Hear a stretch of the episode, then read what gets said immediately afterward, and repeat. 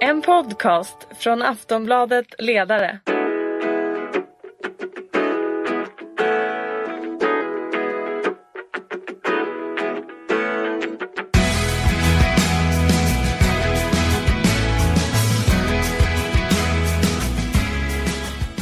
Det är lönedags igen och det betyder att den här podden från Aftonbladets ledarsida är tillbaka.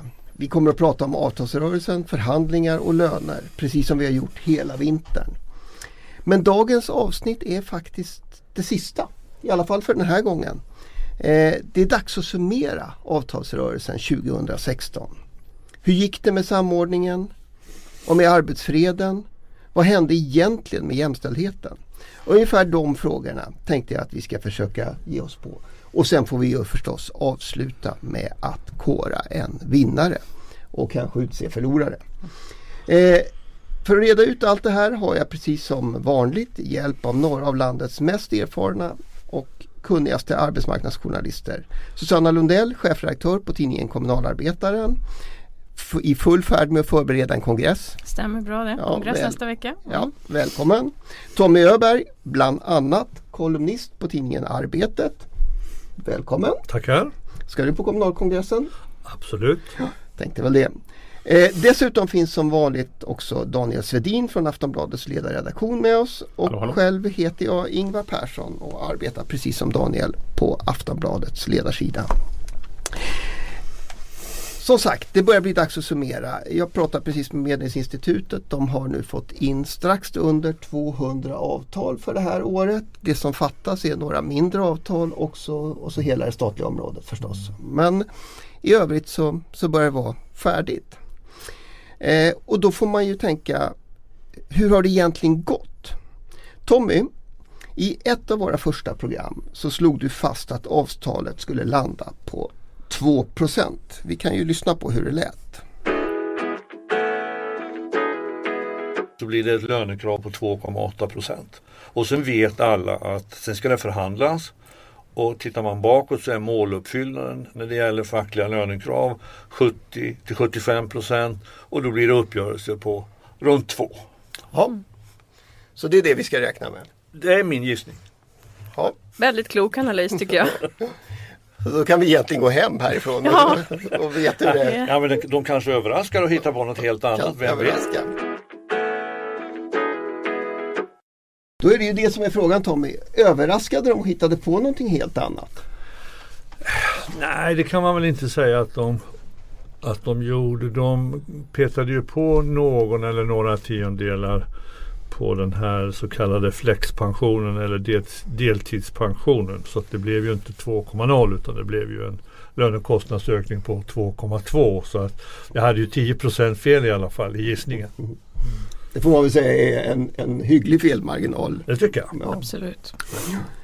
Ja, eh, är det också det som vi ska betrakta som resultatet? Alltså är det 2,2 procent som kommer att vara den siffra som eventuellt står i, i historieböckerna efter det här året? Ja, alltså det kommer att stå 2,2 på, på en rad där vi talar om avtalade löneökningar för majoriteten utav löntagarna. Men det kommer inte att stå 2,2 på raden som eh, redovisar faktiska löneökningar. De kommer att vara avsevärt högre. Sannolikt närmare 3 är min gissning. För att nu fortsätta på det där spåret med att gissa hur det blir. Ja. Och även om vi kommer att komma tillbaka naturligtvis och prata mer om till exempel Kommunal eh, och sådär. Eh, Det här, är, det här var ju de, de här 2,2 procenten var ju det första avtalet då inom industrin. Hur, hur ska man tänka om man ser på, på andra delar av arbetsmarknaden Susanna? Ja, om, det, om man tittar till exempel på Kommunals medlemmar då så har ju de, när det gäller undersköterskorna så har ju de fått mer. De har fått närmare 4,3 då, då. Därför de har också fått ett påslag utöver så att de landar på ungefär 1020 kronor. Då. Och det är också ett treårigt avtal vilket är lite spännande. Många andra blev ju korta precis som vi gissade här också tidigare. Så att undersköterskorna har ju fått mer och där har man ju, det är ändå ett genombrott för värdediskrimineringen och att man börjar göra någonting då när man satsar på kvinnodominerade yrken. Sen har man ju en diskussion fortfarande om vilka som ska ingå här lokalt. Och det, det är ju inte helt klart än exakt. Då. Så det kan bli en liten grupp som får lite mer och en grupp som får något mindre. Men det är fortfarande förhandling på det. Hur, hur ser de diskussionerna ut lokalt, vilka som ska få? Ja det är liksom bland annat skötarna som man diskuterar då. En skötare kan ju vara en person som har en undersköterskeutbildning men som har titeln skötare.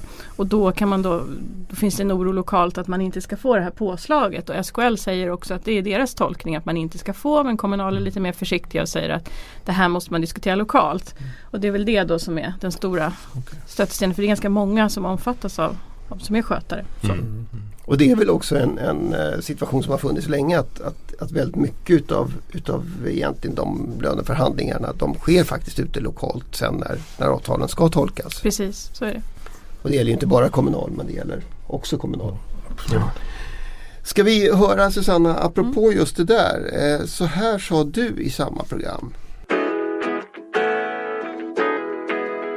det man kan se är väl också att nu kanske vi föregriper kommande frågor men jag tänker att man har valt att lyfta ut grupper och prata om värdediskriminering. Det är väl det som är det nya så att säga när man tittar på undersköterskorna då när det gäller till exempel eh, Kommunals områden. Och det, det tror jag är någonting vi kommer få se mer av. Eh, Men sen är det klart att låglönediskussionen kommer att finnas också. Men eh, det beror på vad man väljer att lägga.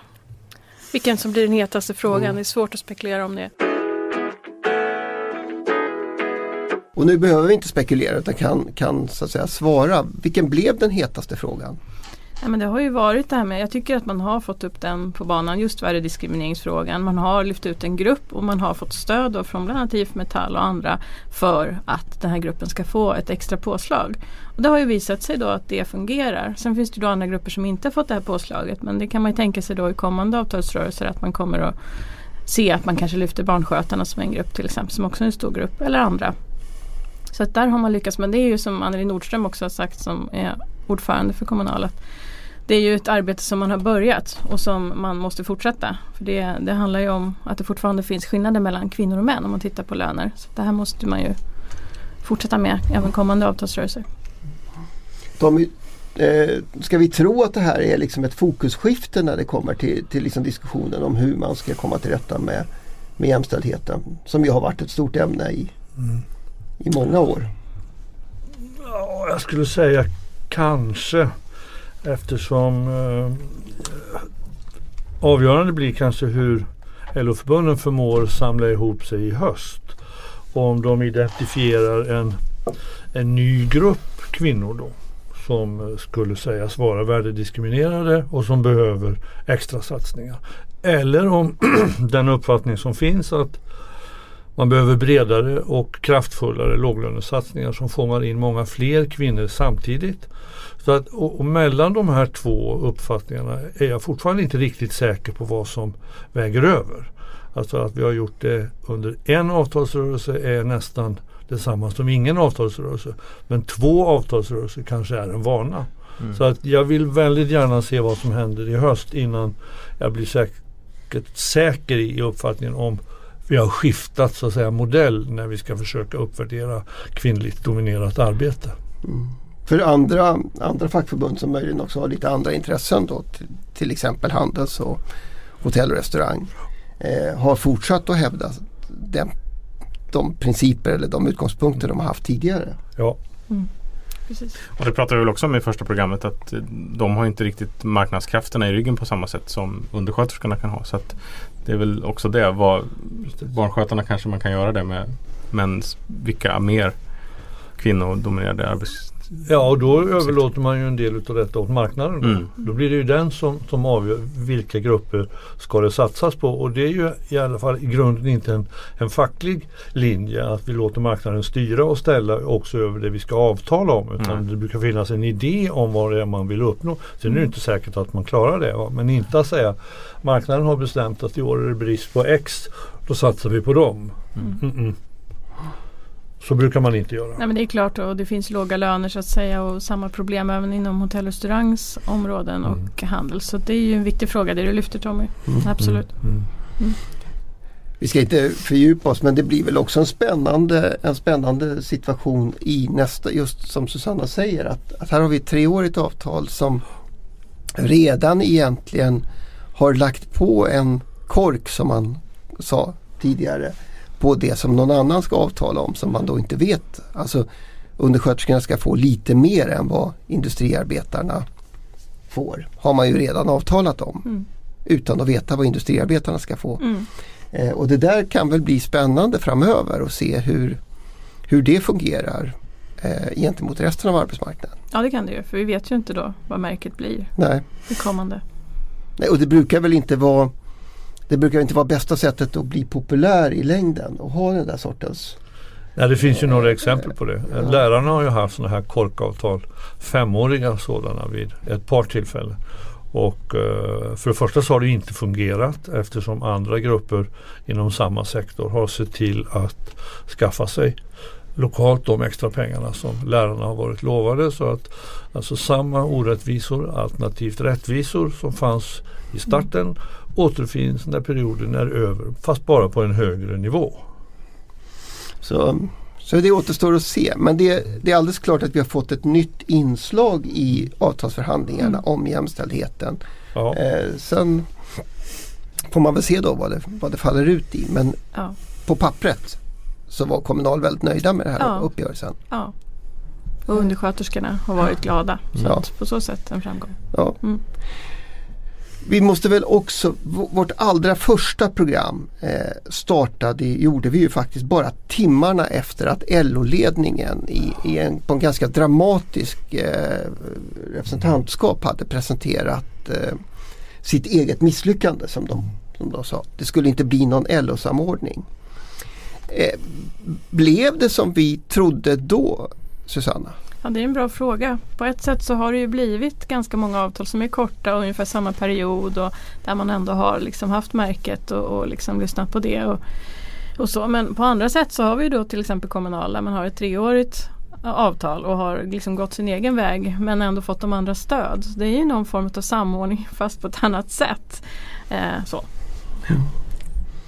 Skulle man inte kunna säga, för, för det, av allt att döma så var ju det avtal som till slut LO-förbunden inte, eller den konstruktion LO-förbunden inte kunde enas om.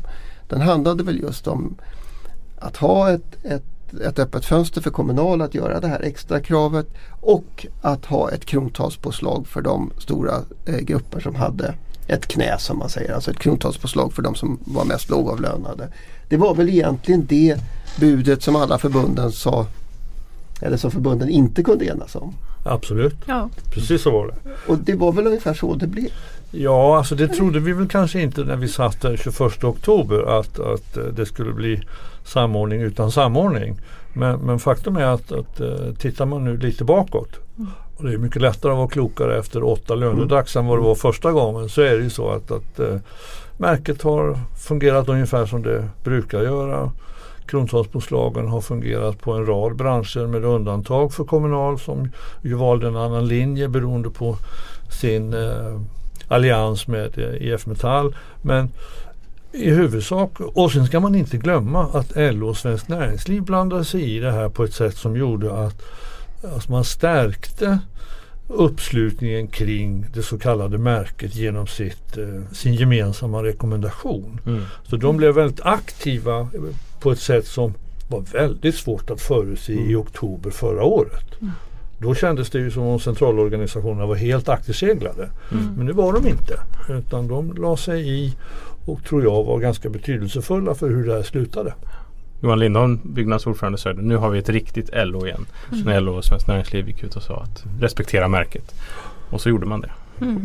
Ja det skulle jag säga att, att eh, även om de, jag tror att många blev väldigt tagna på sängen av det där eh, gemensamma utspelet.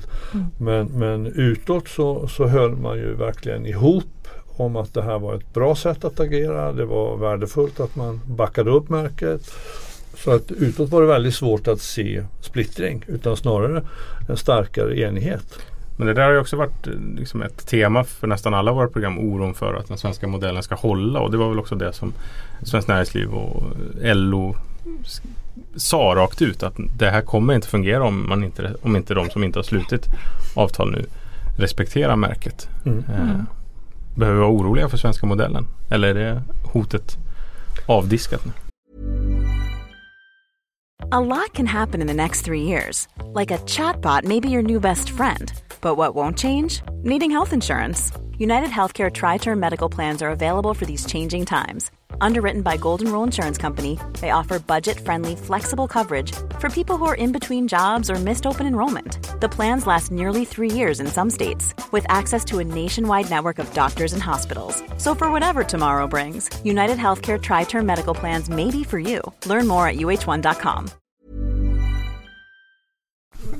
Ja, alltså det, det, det, kommer säkert upp igen men jag kan inte påstå att jag är särskilt oroad över att, att modellen ska haverera. Den, den, kommer säkert att, precis som den har gjort tidigare, den förändras gradvis och när så behövs. Mm. Men att kasta den över bord och ersätta den med en annan modell, det ser jag inte i korten. Nej, jag håller med dig Tommy. Det finns väl ingen som har något alternativ riktigt heller? Ja, en del borgerliga politiker tycks ju ha en del intressanta mm. alternativ. Men jag tror att, att de är också bortvispade helt och hållet sedan Svenskt Näringsliv bytte ordförande som bara sa ifrån ganska tydligt att någon lagstiftning kring sänkta löner, det ska vi inte ägna oss åt. Så att det blir väl svårare i alla fall att återkomma i den delen. Mm. Åtminstone för tills vidare får man, får man Ja, ja det kommer säkert tillbaka. Låt det mm. gå ett år eller två så tar vi om det. Mm. Mm. Och sen är det väl också så att, att det är klart att utmaningarna, de är lätt, det är lätt att vi pekar på de här, de här förhandlingarna som ändå är rätt välordnade tillställningar och säger ja men här bryter den svenska modellen samman. Mm. Sen, är det, sen är det ju klart att vi vet ju att det händer saker ute på arbetsmarknaden, mm. på arbetsplatser som, som inte alltid är sådär välordnade. Eh, och som kanske egentligen är ett större hot. Ja, alltså ska det bli sprickbildning i, i modellen så tror jag just att det kommer utifrån. Mm. Alltså där marknaden har ett mycket, mycket starkt genomslag. Där kommer det att hända saker som ingen kan förutse just nu. Utan det får vi eh, värdera i efterhand när vi har sett. Alltså ett bra exempel på det är att det som stod i Svenska Dagbladet igår om att det fattas 2000 operationssköterskor. Det är klart att det blir en, en, stark förhandlingsposition när man då lokalt ute i landsting eller kommuner vill få bättre villkor. Och jag förstår nästan inte hur en politiker ska orka mer än på marginalen hålla emot. Nej. Och den ena sidan och den andra sidan så har vi delar av arbetsmarknaden där, där inga regler alls nästan eh, fungerar mm. eller gäller. Mm. Eh, en fråga till innan vi så att säga summerar här och, och eh, dömer av. Eh, Susanna, en sak vi har pratat om hela tiden är ju just eh, arbetsfreden. Eh, vi spekulerade ju just till exempel i att, att Kommunal skulle vara tvungen att, att ta till eh, konfliktvapnet. Eh, eh sen har vi pratat om tjänstemannafacket Unionen och, och förstås om byggbranschen. Eh, hur blev det egentligen? Jag har inte Tommys långa erfarenhet av så många avtalsrörelser bakåt så jag kan jämföra men det är klart att det har varit några strejker eh, men inte på det sätt som jag tror att man skramlade med vapen från Svenskt Näringslivs sida och sa det här kommer bli liksom den oroligaste avtalsperioden på mycket, mycket länge. Inte vad jag, vad jag har kunnat se. Utan man har ju naturligtvis, det var ett tag där Unionen som du nämnde bland annat som Eh, som, som, där det var nära och där man liksom sa att det här Men sen kom överens och då var pensionerna bland annat där som, som, som låg som en knäckfråga. Men när det gäller kommunal till exempel behövde man ju aldrig komma så långt utan kom ju till ett avtal innan. Så att eh, jag tycker inte riktigt att den skrämselgrejen från Svenskt Näringsliv har slagit in. Men Tommy får gärna, du får gärna mm. reflektera, du som har bakåt perspektivet. Nej jag tycker faktiskt precis som du Susanna att, att eh, det har inte varit särskilt mycket stökigare i år än vid ett antal andra avtalsrörelser. Ett par strejker bland målarna och byggnadsarbetarna och ett försök från Sveriges Ingenjörunionen och så sjöbefälen som ju precis. hade en kanske lite längre mm. utsträckt i tid än, än de andra fast den omfattade färre. Mm. Men alltså det kan inte sägas vara avvika särskilt mycket ifrån något slags gängse mönster för de senaste 10-20 åren. En och annan kortare konflikt alltså, hör på något vis till så att det finns ingenting att, att uppröras över av det skälet. Vi hade en, jag läser här i Arbetet, eh, tidningen Arbetet gjort en um, historik över, över avtalsrörelsen. Då. Och då skriver de här att vi hade också strejkbryteri och lockout. Åtminstone varslade man ju om att man skulle, eller tillkännage en lockout gjorde man då, 12 000 byggnadsarbetare. Mm. Eh, strejkbryteri och lockouter det är väl inte heller sådär himla vanligt? Nej, det är spegel, det är spegel, spegellockout. Men spegellockout Mm. är, är, hör ju till när, när man varslar om strejk. Alltså att arbetsgivarna tar ut dem som, alltså som det speglas Mm. emot. Så, att, så att facket får bära hela Mm. kostnaden för konflikten. Mm. Strejkbryteri talas det nästan alltid om i samband med konflikter. Men huruvida det är sant eller osant det kan jag faktiskt inte bedöma. Nej. Det, det strejkbryteriet ska jag bara säga det var att arbetsgivarna då eh, i sjöbefälsstrejken ersatte stillastående båtar med andra och då tyckte fackförbundet då att, Okej. det var, att det var ett strejkbryteri. Man kan, man kan väl säga om, alltså om det finns en sak som ändå konflikterna i år så, så kan framförallt i byggbranschen, Mm. apropå det där, så, så var det väl att att tonläget var, ja men det är alltid, en konflikt är ju alltid en känslig situation Mm. där, där tonläget skruvas upp. Men, men det var väl nästan lite ovanligt eh, låst och, och svårt att förstå varandra under, under en period. Ja eh, eh, och nej. Utan det, här, det lät lite grann så här också tyvärr får man säga på, på 90-talet med en annan ledning i, i båda eh, på båda sidor förhandlingsbordet. Alltså väldigt aggressivt, väldigt högt tonläge. Sen har det varit några år då det har varit något lägre och nu var det en slags återgång till, till någonting som i alla fall jag kände igen. Mm. Och eh, det är klart att inte det är något bra för eh, samtalen eller förhandlingarna inom byggsektorn och att medlarna faktiskt sa det i själva uppgörelsen. Det tyckte jag kanske var det mest anmärkningsvärda under avtalsrörelsen att de recenserade sina, mot, sina parter och sa att nu får ni skärpa er. Så där finns, finns någonting som man kommer få jobba vidare med. Det skulle jag tro. Ja. Okej hörni, som sagt det, det ska vidare. Det ska hållas kongresser och annat. Men först, vi måste ju ändå försöka utse en vinnare i årets avtalsrörelse. Och Susanna, du får börja. Frågar du mig så är det ju ändå undersköterskorna och värdediskrimineringsfråga men också hela den här grejen att man har fått upp heltid som en rättighet och heltid som en norm. Att det är jätteviktigt för väldigt många kvinnor. Så jag, jag ser ändå liksom kvinnorna har och undersköterskorna har, har varit vinnare i, i den här avtalsrörelsen. Det tycker jag. Nej, jag gör samma bedömning. Alltså på pappret så är det där en stor seger men sen får vi se såklart vad, vad det blir i, på, på riktigt. Men eh, jag förstår att Kommunal är nöjda med, med det avtalet man slöt. Det var bra för undersköterskorna. Och jag tror att eh, man kan utropa undersköterskorna som en slags vinnare i år. Mycket osäkrare för 2017 och 2018 då påslagen är mycket, mycket lägre. Och en förutsättning för att de ska närma sig någon jämförelsegrupp är ju att löneglidningen i princip då upphör helt inom delar utav industrin. Vilket måste betraktas som helt osannolikt. Så att, att utropa en segrare för hela avtalsrörelsen i form av undersköterskor skulle jag inte våga mig på. Eh, I år kommer deras löner sannolikt att öka mer än nästan alla andra. Men så finns det ju en, en klass för dopade förbund dessutom där det finns vinnare som vi inte har pratat om. Och det är ju lärarna som, ju har, som staten har dopat med 3 miljarder till. Och de får ju löneökningar som sannolikt är betydligt högre än undersköterskorna utan att ens anstränga sig. Så att vinnare kanske är de som har suttit på läktaren och bara hovat in statens bidrag. Och inte undersköterskorna. Vad säger du då Ingvar? Ja, och då får, jag, då får jag ju för att försöka vara lite originell anslå ett annat perspektiv. Ett lite mer spel, spelperspektiv som den ledarskribent jag är.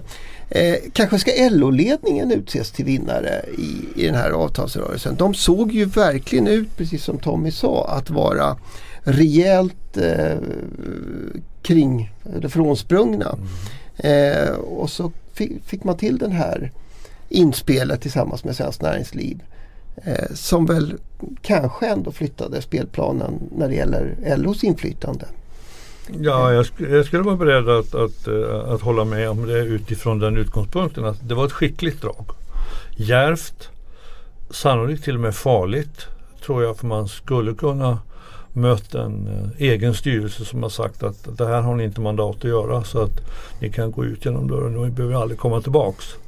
Men de flyttade fokus och de, eh, de stärkte upp delar utav avtalsrörelsen på ett sätt som, som du säger som var lite svårt att se på förhand att, att det skulle kunna ske. Ska vi våga oss på förlorare också? Mycket svårt. Jo men alltså man måste ju ändå vara ärlig nog och säga att, att industrins arbetsgivare som gick ut så våldsamt hårt och talade om, om Finland som ett föredöme och löneökningar under 1 procent och till sist har gjort upp på lönekostnadsökningar på 2,2 i ett kort avtal. Alltså, förlorare är kanske hårt att säga men man kan i alla fall inte säga att de var särskilt framgångsrika i sin strävan den här gången. 2,2 måste ändå betraktas som ungefär som det brukar när man ska jämföra med hur kraven såg ut. Och, och det var inte det som arbetsgivarna pratade om under ganska lång tid av avtalsrörelsen. Ja, nej, jag får säga Svenskt Näringsliv då med sina jättekonstiga annonser som man har haft ute där man försvarar märket som ingen riktigt kunde begripa. Det kan inte ha varit väl spenderade pengar. Men det kanske är på en annan nivå än rent avtals. Nej, och sen, men jag tycker också man kan säga tonläget. Jag tycker det är intressant, kanske inte att säga förlorare då, men just tonläget mellan, mellan Byggnads och, och arbetsgivarna där. Att, att det är någonting man kan ta med sig, inte som förlorare men som en påminnelse att det är viktigt i avtalsrörelser att hålla den här förhandlartonen och kunna vara även om man tycker olika. Och sen det som Tommy sa att inte måla upp osanna bilder av hur det ser ut liksom med, med eh, hur, hur industrin går, hur företag går. När alla kan se att det går bra så kanske inte det är så smart att säga att det går dåligt till exempel för, för Sverige, vilket det inte gör och så utan det är bra att hålla sig till Sen gör man ju sina tolkningar för att få igenom det man vill på respektive sida då. Men, men det har varit intressant tycker jag att se hur man har pratat Mm. i år just från arbetsgivarna. Precis. Nej, men så kraven på ökad flexibilitet som väl alltid finns också har ju inte riktigt hörsammats. Eh, utan det blir väldigt mm, ja, pe- pengafrågor har ju och, men också väldigt korta avtal. Så vi får väl se vad, vad det slutar i. Men det, det tycker jag är intressant att det inte blev de här stora byggnadsstrejken handlar ju bland annat om, Mm. om sådana saker. Eh, men att det Men det är klart, alltså blir, blir det ett kort avtal då, då blir det väldigt strippat. Då handlar det till sist bara om, om påslag på, på lönerna och Mm. ingenting mer. Inga maktfrågor, inga, inga villkorsfrågor. Det är liksom, men de kommer naturligtvis tillbaka igen i nästa varv. Och här kan vi väl säga om, om jag då får komplettera. Det, vi pratade ju om den svenska modellen, att den har klarat sig. Eh, ska man hitta en sak som riktigt utmanar den traditionella svenska modellen i årets avtalsrörelse så undrar jag om inte man ändå måste peka på Almegas tilltag att, att liksom dra kravet, själva, själva förhandlingskravet eh, inför Arbetsdomstol och säga för det här kravet får inte tjänstemännen strejka eh, på pensionerna då. Eh, för det är klart att nu fanns det särskilda liksom förutsättningar i just det här fallet men, men det skulle ju vara ett väldigt tydligt brott mot, mot eh, hur man sköter förhandlingar normalt. Men, men det är väl alldeles tydligt att, att den eh, fredspliktinvändning som de gjorde inför Arbetsdomstolen i någon mening alltså innebär att frågan kommer tillbaka ännu hårdare redan i vinter som väntar. För att eh, Unionen och Sveriges Ingenjörer har ju naturligtvis på intet sätt gett upp kravet att deras medlemmar på de, de här avtalsområdena också ska omfattas av samma regler som de som finns inom industrin. Så att de har bara bäddat för en ny match kring samma fråga med ännu hårdare fackliga laddningar bakom kraven. Så är det. Hörni, jag ska tacka så hemskt mycket. Eh, ni ska rusa vidare till olika uppdrag och, och så vidare. Vi stänger lönedags för den här gången. Det är lite sorgset eh, men, men så, får- så får ja, det bli. Eh, nu är det ju snart avtalsrörelse igen. Eh, och det är inte omöjligt att lönedags kommer tillbaka.